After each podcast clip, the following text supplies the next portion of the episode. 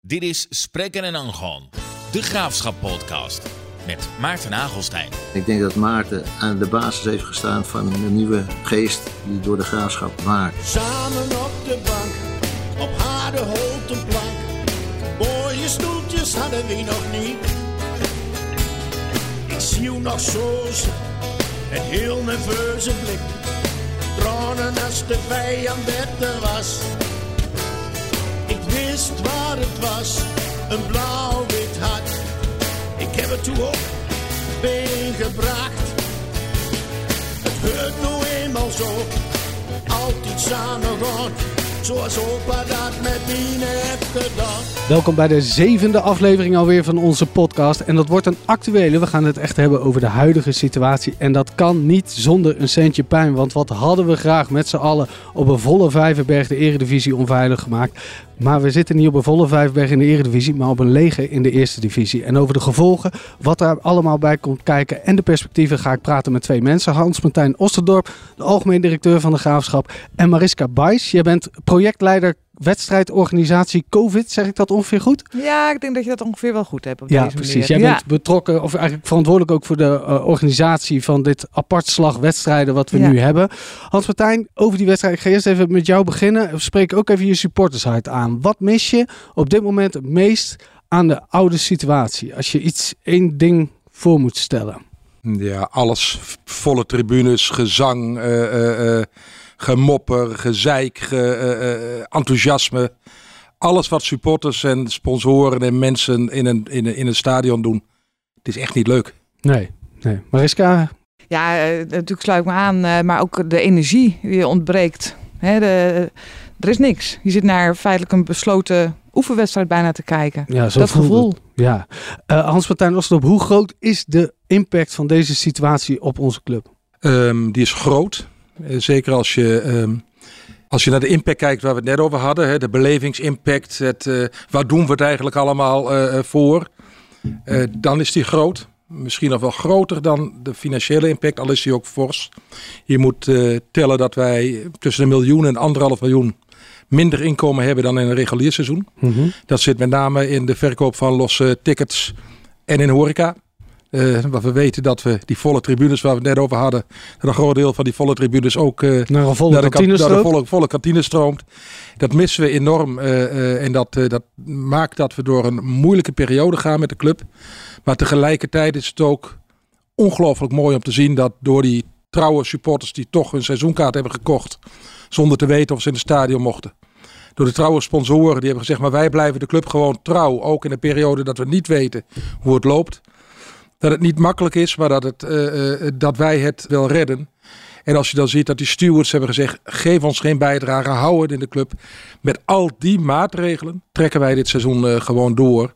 En daarom zeg ik, is de impact van die lege tribunes en de holle klanken in het stadion, die is misschien nog wel groter. En die doet ook meer pijn.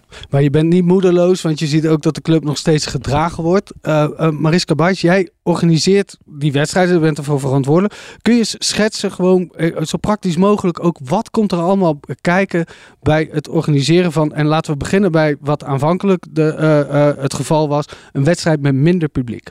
Ja, nou dat komt eigenlijk aanvankelijk vooral neer op eh, meten. Het meten van, eh, van afstanden in het stadion. eh, het berekenen van de aantallen seizoenkaarthouders ten opzichte van de capaciteit in je stadion. Hoe kun je inderdaad zoveel mogelijk mensen toch nog op die anderhalve meter veilig bij elkaar krijgen. Nou ja, om meteen een, een anekdote te vertellen. Hans-Martijn en ik hebben in het begin met een rolmaat anderhalve meter van elkaar afgezeten. Van mond tot mond, kijkend inderdaad hoeveel stoelen er dan tussen moesten zitten. En je krijgt natuurlijk protocollen vanuit de KNVB mee van hè, denk hier aan en denk daar aan. En dit zijn de richtlijnen. En, eh, maar goed, elk stadion is anders. Hè? Dus, eh, dus je gaat stapsgewijs eigenlijk eh, je hele stadion bekijken. En niet alleen tribunes, maar ook de ruimtes eromheen. En ehm, nou ja, praktisch gezien eh, eh, ga je de boel indelen. Dat je zoveel mogelijk mensen op een, een veilige manier naar binnen kan krijgen. Je zegt al even, elk stadion is anders. Nu staat de Vijverberg bekend als, en dat zijn pre-covid, was dat allemaal, waren dat allemaal voordelen. Compact, gezellig, dicht op elkaar. Is dat dan nu niet een nadeel? Ja, dat is op sommige plekken wel een nadeel inderdaad. Omdat je met name aan de horeca aan de achterkant dat je en uh, toiletvoorzieningen gewoon minder loopruimte hebt. Hè? Dus je hebt daar natuurlijk grote groepen mensen die, uh, die daar moeilijker de anderhalve meter afstand kunnen bewaren. Uh, dus dat is inderdaad aan, aan vooral aan de achterkant is dat, dat compacte inderdaad dan, dan wat problematischer. Maar goed, we hebben echt wel gemerkt dat mensen zich goed houden aan de voorschriften die we, die we hebben moeten opleggen. dus uiteindelijk moeten we dit ook met z'n allen doen. Hè, dat uh, ook de verantwoordelijkheid van de supporter die, uh, die uh, naar de wedstrijden kwam. Wat zijn echte knelpunten? Je zei al even achter was er wat moeilijk. Wat zijn echte knelpunten geweest bij het inrichten van die nieuwe wedstrijden? Waar liep je echt tegenaan van, oh dit is echt lastig? Nou ja, wat lastig is, en ik groot compliment voor Mariska, want ze kwam er nieuw in en is, heeft zich heel snel ook ontpopt tot een hele betrouwbare gesprekspartner voor gemeente en daarmee voor de veiligheidsregio. En heeft echt de organisatie ook wel meegekregen in deze maatregelen. Maar waar het toch wel wat ging knellen, hoe gaan we dat met de horeca doen? Want mensen treffen elkaar na een lange periode voor het eerst weer en willen dan toch ergens samen even elkaar ontmoeten. Om het hebben over die uh, afgelopen zeven maanden en samen toch een biertje drinken. En dat kan niet, want je moet die anderhalve meter uh, uh, houden.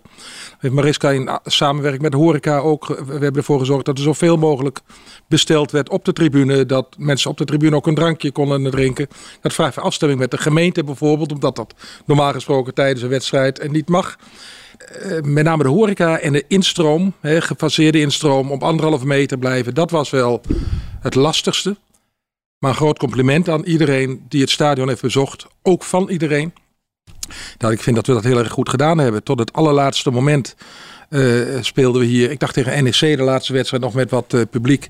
Kregen we s'avonds nog een groot compliment van onze burgemeester.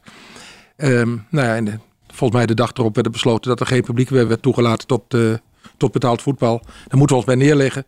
Maar ik vind dat we in die periode het fantastisch gedaan hebben. En Mariska heeft daar een grote bijdrage aan geleverd. Ja, je zei al, nou dan ga je dus ook daar achter het stadion kijken. En wat moet je nog meer doen? Looplijnen aanrechten, uh, aanleggen? Nou, wat we vooral gedaan hebben is, uh, is uh, alles ingedeeld in vier zones. Waardoor je krijgt dat je eigenlijk in bepaalde zones je eigen horecavoorziening, je eigen toiletvoorzieningen hebt. En dat die supporters de zones niet konden doorkruisen. Waardoor je al minder loopbewegingen hebt en minder kans hebt op contacten met, met grotere groepen mensen. dus daar, ehm, daar ga je dan mee, mee beginnen. En uh, we hebben natuurlijk wel gekeken van moeten we inderdaad looprichtingen aanbrengen. Maar uh, ja, juist uh, op smalle paden heeft dat dan ook eigenlijk weinig zin meer. Je gaat dan ook weer opstoppingen creëren. dus ehm, dat hebben we op een andere manier opgelost door gewoon die ruimte wat toch wel wat, wat ruimer te maken. Ja, dat zijn eigenlijk de eerste dingen. Dus die, die vier zones zijn onze grootste nou ja, hoe zeg je dat? Ja, ik denk ook gekoppeld aan het feit dat omdat het zo'n compact stadion is, wat je net al vertelde, doorbreek je die anderhalve meter. Dat is niet te voorkomen. En daarom hebben we ook uh, met elkaar afgesproken. Bij het verplaatsen dragen we een mondkapje om zo, in ieder geval op het moment dat je die anderhalve meter doorbreekt, toch enige bescherming nog uh, voor jezelf en voor de ander te hebben.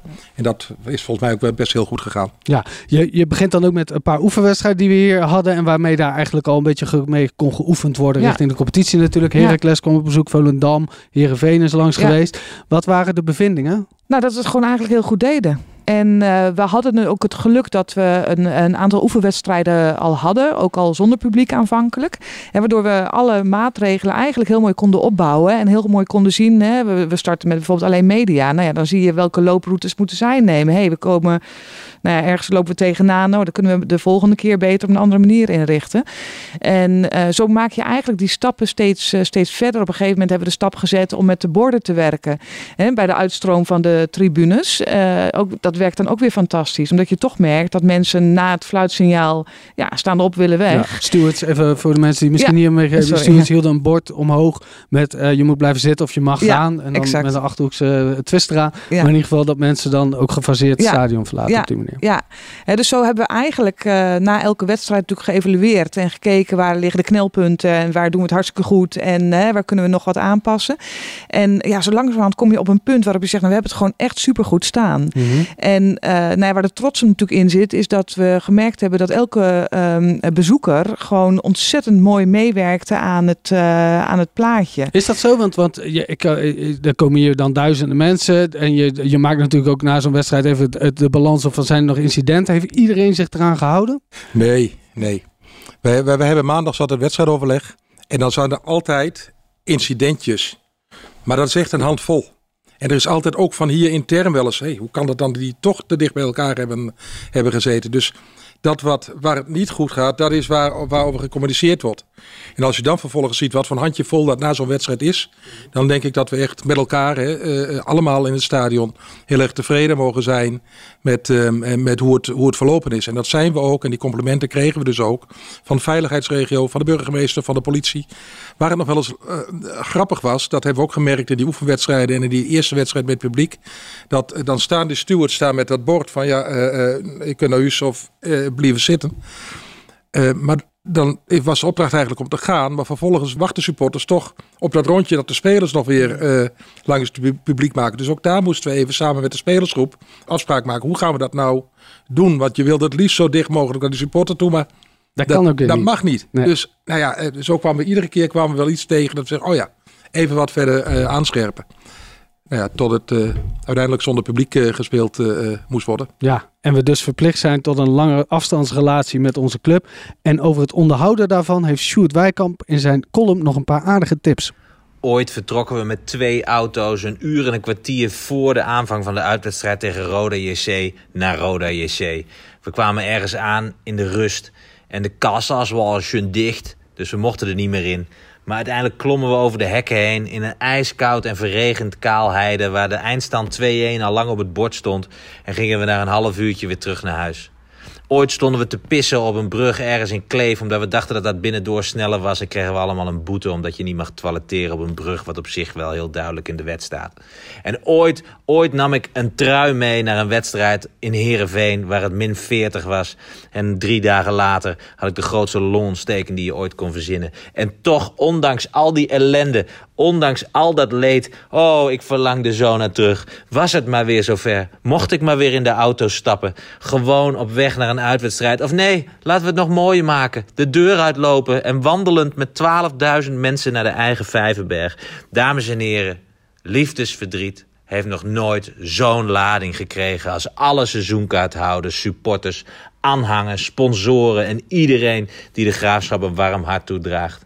Het is een soort latrelatie waarbij je moet rekening houden dat er honderden kilometers files en geen openbaar vervoer is en je er dus niet naartoe kan. Het doet pijn tot op het bot. Het verdeelt mensen. De een roept namelijk: jongen, jongen, maak die kansen nou eens af. En die ander zet in hetzelfde Facebook bericht: Waarom maken we eigenlijk geen kansen? En waarom creëren we geen kansen? Nou, tegen Helmond Sport hebben we 30 keer geschoten, waarvan 20 keer op de goal en 8 keer een redding van de keeper. Ik heb teruggekeken in de analen van onze club en nog nooit hebben we zo vaak en zo productief op een andermans goal geschoten. En ik zie het ook wel, het is allemaal nog niet zo goed. Maar hou er nou ook eens rekening mee dat Fox Sport, want dat is de complottheorie die ik aanhang, ons spel gewoon iets minder goed maakt dan dat het in werkelijkheid is. Daarom wordt het tijd dat we zo snel mogelijk weer naar het stadion gaan. Zodat we, als het dan daadwerkelijk eventjes niet zo goed loopt... gewoon die hele bende weer naar voren kunnen schreeuwen. En als je dan toch hebt over een latrelatie... je kunt heel veel van elkaar houden als je elkaar even niet kan zien. Maar dan is het zo belangrijk om elkaar af en toe een complimentje te geven. En er zijn er altijd wel mensen in en om je relatie die zeggen tot hier en niet verder. Maar kom op man, deze club moet je juist nu steunen. En de club zelf, die heeft het als nooit in de gaten. Op bezoek bij de alleroudste supporters van onze club. En een mooi filmpje over de mosterd die inderdaad uit Doesburg moet komen en niet uit Limburg. Maar als het moet, als het echt moet en we mogen het stadion weer in dan laat ik de auto wel vol uit bij Rode JC en breng ik de mosterd naar Doesburg. Als ik maar weer mosterd kan halen. Oh, de graafschap. Wat mis ik je toch. Nou, we hadden het net al over wat er allemaal bij komt kijken aan looproutes, aan voorbereiding, aan toestanden. Uh, maar wat je ook als club nu natuurlijk erg uh, vaak moet doen, is testen. Hoe werkt dat, uh, Mariska? Twee dagen voorafgaand aan de wedstrijd wordt de spelersgroep en de staf, uh, plus nog wat uh, mensen daar omheen, worden uh, getest op het stadion. En ja, natuurlijk van belang om de wedstrijden te kunnen spelen. Om te zorgen dat we inderdaad um, een gezonde ploeg neerzetten. Maar dat blijft spannend. Hè? Dat, ook al heb je zelf geen klachten, kun je, nou ja, dat weten we inmiddels allemaal, kun je ook besmet zijn. Dus elke uitslag is weer spannend. Maar het testmoment is ook spannend voor velen van ons. En uh, hoe vaak je dat ook doet, dat went, uh, went niet. Uh, is het altijd op het stadion of elders? Ja, het is altijd hier okay. in deze ruimte. Ook met zo'n dingetje in je neus wat zo ja, is? Ja, ja, neus- en keeltest. dus dat is een hele, hele organisatie. Hè. Er komen twee medische studenten die komen de test afnemen onder begeleiding van onze clubarts. En ehm, nou ja, dat is keurig allemaal volop in pakken worden ze hier, of staan ze hier. En één voor één gaan we op een stoel zitten en feitelijk is het ook drie seconden later is het ook voorbij. Maar het blijft spannend. Maar het ja, hoort het zijn gewoon geen fijne testen. Ik bedoel, ik... Uh... Ja, Mariska lacht me een beetje uit, want ik ben iedere keer nog zenuwachtig als ik die test in uh, moet. En het kan inderdaad keel en neus en al met al duurt het misschien 7 of 8 seconden. Maar dit is rot, iedere keer, iedere keer weer. En als je, zoals nu bijvoorbeeld drie, drie wedstrijden bijna in de week speelt. Helmond PSV Twente. Ja, dan gaat drie keer in de, in de week gaat, die, uh, gaat een stokje in de neus. En ik moet eerlijk zeggen, ik kan er nog niet aan wennen. Komt je neus uit zo ongeveer. Het komt echt, mijn neus gaat uit, ja. ja maar het moet uh, gebeuren. Nou ja, we hebben hier nu ook wat of ja, positieve tests zijn het al onder het uh, personeel gehad. En wat is dan de, de, het protocol in de richtlijn? Nou ja, op, op, het moment dat die uitslag bekend is, worden de betreffende personen of uit een groep gehaald of geïnformeerd. En moeten zij in, in quarantaine. En worden we in de volgende test, wordt er weer getest om te kijken of, uh, of die test dan wel negatief uh, uitvalt. Maar zij uh, komen dan inderdaad met auto's bijvoorbeeld. Hè, moeten in een soort van teststraatje buiten het stadion opgesteld staan. En worden dus niet binnen in het stadion meer getest. Hè, totdat de test weer negatief is. Dat zijn vervelende momenten. Dat dat dus wel gebeurt. Ja. Nou, wat er gebeurt is dat mensen inderdaad uit de groep worden gehaald direct. Op het moment dat, het, dat die melding komt van er is een positieve test, worden de mensen uit de groep gehaald direct. Worden, uh, uh, wordt geadviseerd naar huis te gaan en direct in thuisquarantaine te gaan. Zodat het moment van besmetting, uh, de mogelijkheid van besmetting kleiner is. Op het stadion zijn er tal van maatregelen. Die spelersgroep die wordt echt in die bubbel, daar heb je wel eens van gehoord waarschijnlijk, mm. afgezonderd van de, uh, van de rest. Uh, uh, waar vroeger spelers wel eens samen in een auto naar een training reden, mag dat, mag dat niet meer. de lunch is echt op anderhalve meter van elkaar. Dus er worden hele strenge maatregelen in het stadion. Ook dat is niet leuk, maar het moet wel. waar we nu vervolgens voor hebben gekozen, is om ook wat jeugdspelers in de test mee te nemen. Omdat je ja, je wilt gewoon voetballen. Je moet ook voetballen. Hè, zolang je eigenlijk 13 spelers inclusief een keeper hebt, zegt de KNVB. Die wedstrijd moet, uh, moet gespeeld uh, worden. Nou, dat vraagt veel, uh, veel van ons. Maar dat betekent dat we de eerste selectie, het aantal geteste spelers, iets groter hebben gemaakt door wat jongens van. Moet ook wat jeugdspelers gewoon mee kunnen ja, op het moment ja, dat het echt. Ja, en dan moeten, ze, dan, dan moeten ze klaarstaan.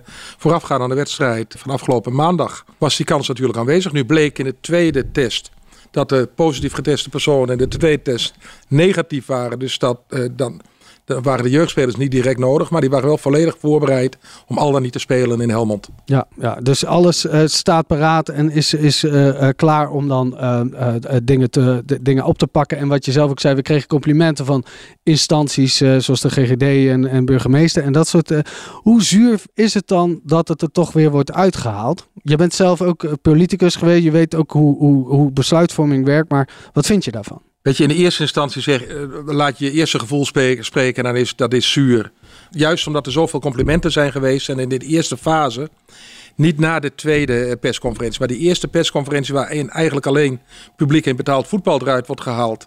Dan denk je, joh, maar we krijgen van alle kanten complimenten en dit mag niet doorgaan, maar de Efteling mag vol blijven stromen.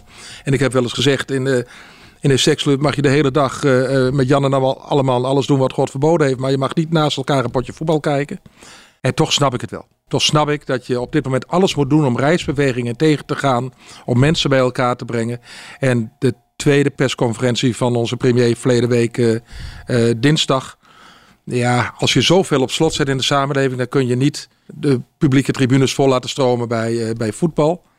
En ik hoop zo, ik hoop zo dat we dat binnenkort wel weer gaan doen. En dat is ook wel het perspectief dat ik naar de toekomst zie. We gaan weer een keer bij elkaar komen. Maar daarvoor moeten we nu allemaal er alles aan doen om, uh, om dat verrekte virus uh, naar buiten te duwen. Wat was jouw eerste gevoel toen het weer dichtgegooid werd? Ja, waardeloos. Ja, heel simpel. En je werkt er met z'n allen uh, heel hard aan om het voor elkaar te krijgen. Om zoveel mogelijk mensen binnen te hebben op een veilige manier. Om toch nog iets van sfeer in dat stadion te krijgen. Ja, dat is dus doodzonde. Ja.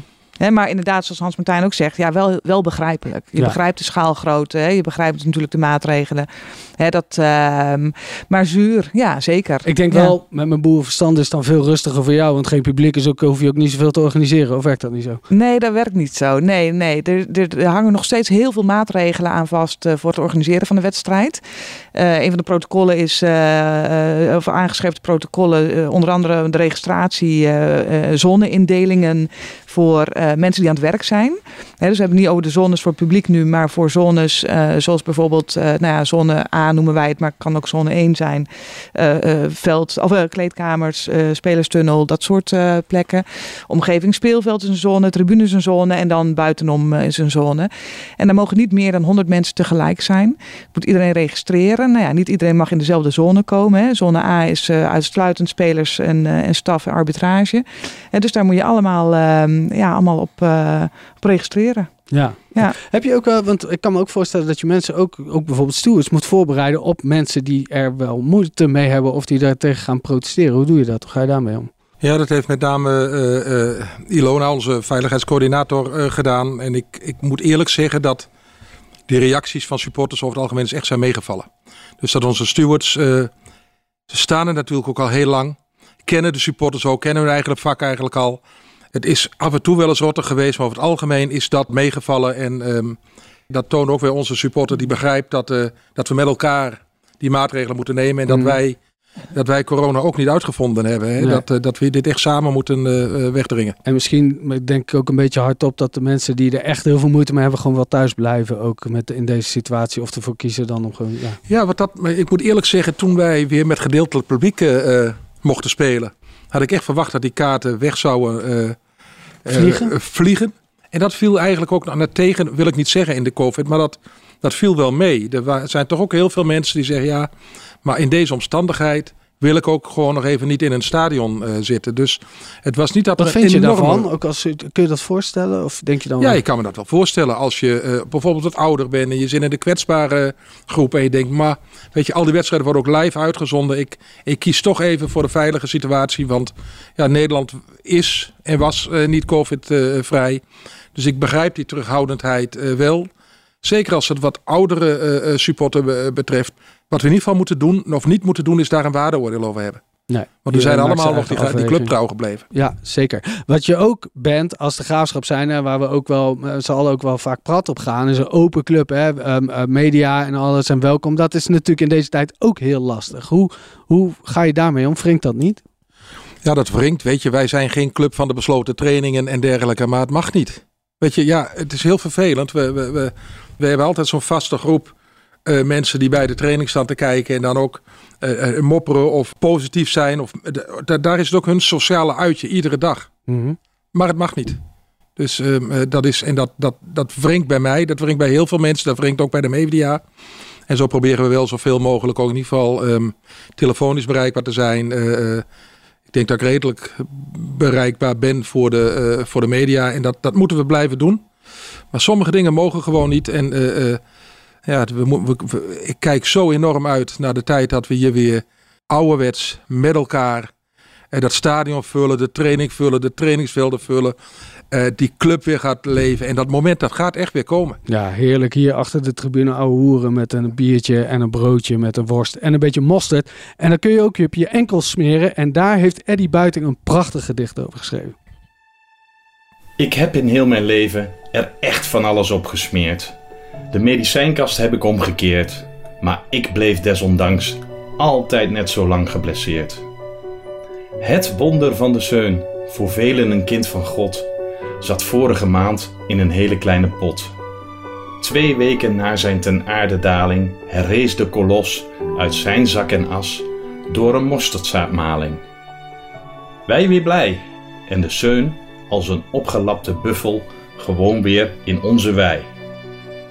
De mosterd, symbool voor nieuw leven. Laten we iedereen die mosterd geven. Tetje van de Pavert voor het mes tussen zijn tanden. Smeer het op Van Michems vleugels. Smeer het op Mike Snoei's teugels. Geef Vergara Barrio een bad zonder tax. En smeer wat op de fluit van Christian Baks. Mosterd op de ziel van elke superboer Op de handschoenen van Rodi de Boer. Op de buik van Hans Martijn. Met mosterd krijgt niemand ons klein. In Doesburg, daar staat een mosterdfabriek. En daarom zijn wij superboeren weerbaar en minder vaak ziek. En eten wij misschien in mei allemaal bitterballen met Martin mosterd van een hele mooie zilveren schaal.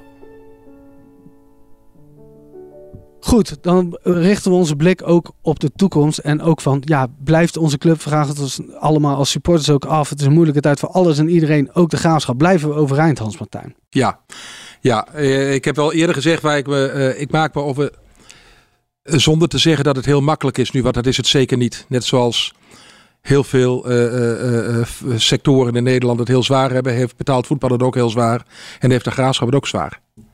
En tegelijkertijd, weet je, worden we ook geholpen door de overheid. Door de NOW-regeling die een deel van de salarissen overneemt. Daarmee blijft het zwaar, maar redden we het in ieder geval dit seizoen. Waar ik wat zorgen over heb, als ik dan uh, zorgen heb, dan, richten zich, die zich echt op komend seizoen. Stel dat we het hele seizoen zonder publiek spelen. En dan, dan redden we dat financieel met al die hulp die ik meerdere malen genoemd heb. Maar voelen mensen zich dan nog voldoende verbonden met de graafschap ook volgend jaar die seizoenkaart weer te kopen? En ook volgend jaar te zeggen, joh, maar um, ja, als sponsor en partner blijf ik aan de graafschap verbonden, want ik zie het belang van deze mooie club voor de regio Achterhoek. Mm -hmm. Ik durf te geloven dat dat zo is. Maar daar zit nog wel een, een soort van. Jongens, we moeten echt van alles gaan doen om in contact te blijven uh, staan met onze, met onze supporters, met onze sponsoren. Daarom ben ik ook echt weer blij uh, met deze podcast dat dat, dat dat weer is opgepakt. En we zullen ook als club moeten gaan nadenken hoe gaan we nog meer en op een andere wijze nog weer in contact blijven staan met onze supporters. Maar ja, het moeilijke aan die situatie is gewoon dat je mensen een product laat ja. kopen, een seizoen blijven een product waar je uiteindelijk niet van weet van wat je ervoor gaat nee. krijgen. En daarom het zou zo mooi zijn als we uh, ergens in dit jaar, of in ieder geval uh, uh, in dit seizoen, die stadions weer mogen vullen. En dat we mensen weer zeggen: Oh ja, maar verrek, dit is wat ik gemist heb. Ja. Deze sfeer, deze kantine, deze supporter, deze man die altijd aan het zeiken was. En waar ik op heb zitten mopperen. Maar ben ik blij dat ik hem weer zie. Ja, even nog kort over cijfers. Want het is half oktober, is ook meestal de periode dat, dat jaarrekeningen en dat soort dingen van het vorige seizoen. Weten we ongeveer wat, wat het resultaat is? Ja, we, uh, we zijn nu in een af, afrondende uh, fase van de jaarrekening. Ik verwacht dat die binnen een paar weken uh, binnen is. Nou ja, dat zal nog niet het allergrootste probleem zijn. Nee, dus wat dat betreft uh, ben ik gematigd positief in de kijken naar de, naar de periode waarin we uh, uh, ons toch de afgelopen zeven, acht maanden hebben begeven. Maar die laat wel zien dat het zorgelijk is, ja. zonder dat het uitzichtloos is. Want dat is het zeker niet. Nee, we blijven hopen dat die de situatie ontstaat, maar je weet gewoon niet wanneer dat kan zijn. Nee, ik durf er niks meer over te zeggen. En ik moet wel eerlijk zeggen, wat voor mijzelf werkt heel erg. We het straks al even over die steun van, jij noemde dat van die supporters en zo. En, en, en dat iedere keer weer terugvinden. Of op social media, of even in de stad aangesproken worden. Of een sponsor die nog een handel in de riem steekt dat maakt wel dat ik iedere dag die stap naar buiten zet en geïnspireerd aan de slag ga voor de club. Heeft je heeft dat er ook een beetje doorheen gesleept in die periode, zo in april, mei, dat, dat we niet, uiteindelijk niet promoveerden en, en die rechtszaak waarin we in de eerste divisie bleven, dat, toen was er veel boosheid binnen de hele club. Heb je dat inmiddels ook een beetje een plek gegeven of voel je dat nog wel eens? Nee, ik heb dat wel een plek gegeven, uh, maar het heeft me er wel doorheen gesleept de steun van supporters, steun van sponsoren. Mensen die zeggen, maar wij blijven deze club, gaan er niet onderkomen door de KNVB of de, wie dan ook. Wij blijven deze club steunen. Dat heeft mij enorm uh, geholpen en ik denk ons allemaal in die vervelende uh, periode waarin en het niet promoveren en het stilleggen van de competitie en uh, weinig perspectief op de toekomst eigenlijk in een soort cocktail bij elkaar kwam. Ja, in die periode hebben echt in de in gidsvatte nachten soms hebben Mhm. de supporters en sponsoren mij er wel doorheen getrokken. Ja, dat geloof ik. La- Laten we even gewoon het doemscenario nog even een klein beetje uitwerken. De rest van het seizoen geen publiek. Moet, er dan, eh, eh, moet je dan misschien mensen gaan ontslaan, loonoffers? Ik denk dat het ehm, misschien na drie weken of zo nadat eh, dat we echt op slot gingen in maart. Hebben wij in ieder geval kantoren, medewerkers bij elkaar eh, eh, gehaald. En heb ik eigenlijk gezegd, we gaan er alles aan doen. Mhm. En ik voel het echt ook nog steeds als een hele zware persoonlijke verantwoordelijkheid op mijn schouders. We gaan er alles aan doen om dit eh, met elkaar te trekken. Om de mensen ook aan boord eh, eh, te houden. Maar ik, ik kan niet in een hele lange toekomst kijken. Maar vooralsnog gaan we dat trekken. En Mariska, Samen. jij kijkt dus zo, ik kan me zo voorstellen dat jij nu echt uitkijkt naar een keer een wedstrijd organiseren met gewoon publiek als alles mag. Ja, gewoon helemaal volle bak. Dat is toch wat je wil. Dat, eh, daar werk je hier ook voor. Voor die energie op die vrijdag of zaterdag of zondag. Waarop je gewoon met z'n allen er volop aangaat. Ja, dat is, eh, daar doen we het voor. Ja, laten we hopen dat het snel weer zo kan zijn. En eh, in ieder geval vooruit met de geit en, eh, en punten pakken en naar de Eredivisie. Hè? Ja, precies. En dat moment, ik wil nog één keer dat moment komt weer. Hè. Dat, dat, dat moment dat we samen op die Vijverberg komen. Nog even wachten. Maar we zullen elkaar hier weer aan ontmoeten. Vind ik een mooie afsluiting. Hans-Martijn Osterdorp, Mariska Buijs, bedankt voor nu. En hopelijk tot snel op een vol Simonsplein en in een volle Vijverberg. Precies Zekers. dat. Later naar de spinnenkop, niet meer bij elkaar. Dat vond ik eerst best een beetje raar. Simon werd een grote held, armgebaren langs het veld. De liefde zal nooit meer overgaan. Oh, oh, ik wist wat het was, een blauw-wit hart. Ik heb het toe op meegebracht. Het hoort nu eenmaal zo, altijd samen gaan. Zoals opa dat met mij heeft gedaan. Zoals opa dat met mij heeft gedaan. Zoals opa dat met mij heeft gedaan.